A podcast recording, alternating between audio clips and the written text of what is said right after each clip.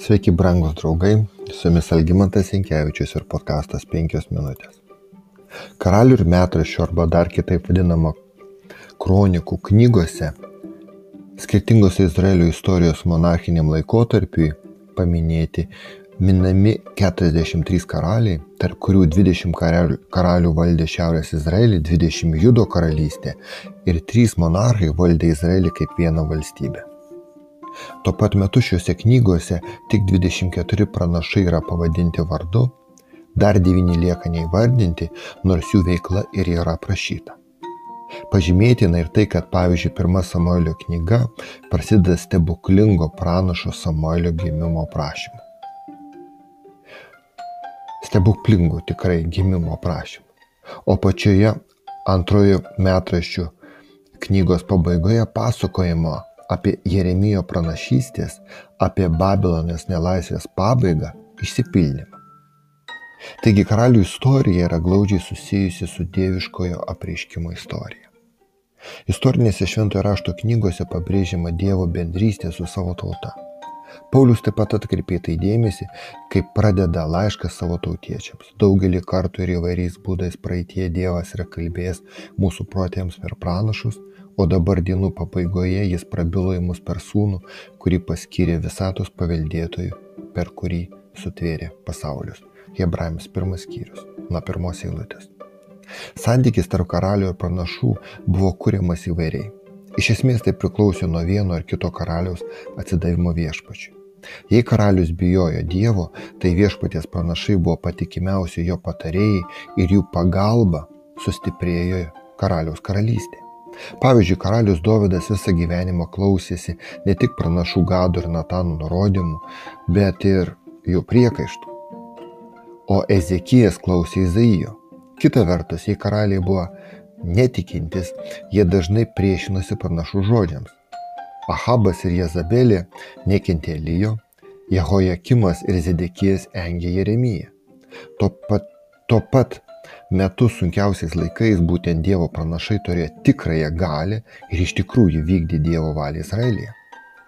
Vienas pranašas Eliziejus laimėjo karą be kariuomenės, atvesdamas į Samariją aklą priešo armiją. Antra karalių knyga šeštas skyrius. Taip pat nutiko, kad paprastai pamaldus karaliai padarė nuodėmės, negalėjo pakesti viešpaties priekaištų rėmėsi ginklų prieš pranašus. Karalius Asa, pasibaigus karaliavimui, išsiuntė pranašą Ananį į kalėjimą, nes jis jį pasmerkė. Bet atsitiko ir taip, kad pranašai pažadino paklusnumą Dievui valdovuose, kurie jau seniai nebebuvo viešpatės įkėjai. Taigi Izraelio karalius Pehachas pakluso pranašui Odedui ir išlaisvino paimtus izraelitus. Galime sakyti, kad ne vienas izraelitų ir judėjų karalius negalėjo pasakyti, kad Dievo balsas per pranašus jam niekada nekalbėjo. Judėjos istorijos pabaigoje, kai Jeruzalės šventykla buvo sunaikinta ir visi žmonės buvo perkelti į Babiloną, viešpats sako, Viešpas jų protėvių Dievas siunti jiems žodį per savo pasiuntinius kasdien be perstojo, nes gailėjusi savo žmonių ir savo buvainės. Bet jie išjuokdavo Dievo pasiuntinius, niekindavo jo žodžius ir tyčiodamiesi iš jo panašų, kol Dievo rūstybė savo tautai tapo tokia stipri, kad nebeliko kitos išeities. Antrame metraščio 306 skyrius. Gilindamiesi į praėjusio amžiaus istoriją, mes, 21 amžiaus žmonės, galime išmokti savo svarbę pamoką. Ir ne vieną pamoką. Pamokų iš tikrųjų, iš kurių įsigysime tikrą dieviškai išmintį. Izaijas sako, kreipkitės į įstatymą ir apreiškimą, tai yra į pranašų žinę. Izaijo 8 skyrius. Jozapatas, vienas iš sėkmingiausių žydų karalių, išreiškė savo kredą, pasitikėk viešpačiu ir būsite tvirti pasitikėk jo pranašais ir sėkmė jūs lydės. Antra metraščių 2020. Apaštalas Petras visą tai apibendrina. Antrame Petro laiške pirmame skyriuje 19 eilutė. Brangus draugai, tekstas skamba taip. Mes turime tvirčiausią pranašų žodį. Jūs gerai darote laikydamės jo tarsi žiburė, šviečiančio tamsioje vietoje, kol išauš diena ir jūsų širdise užtekės aušinė.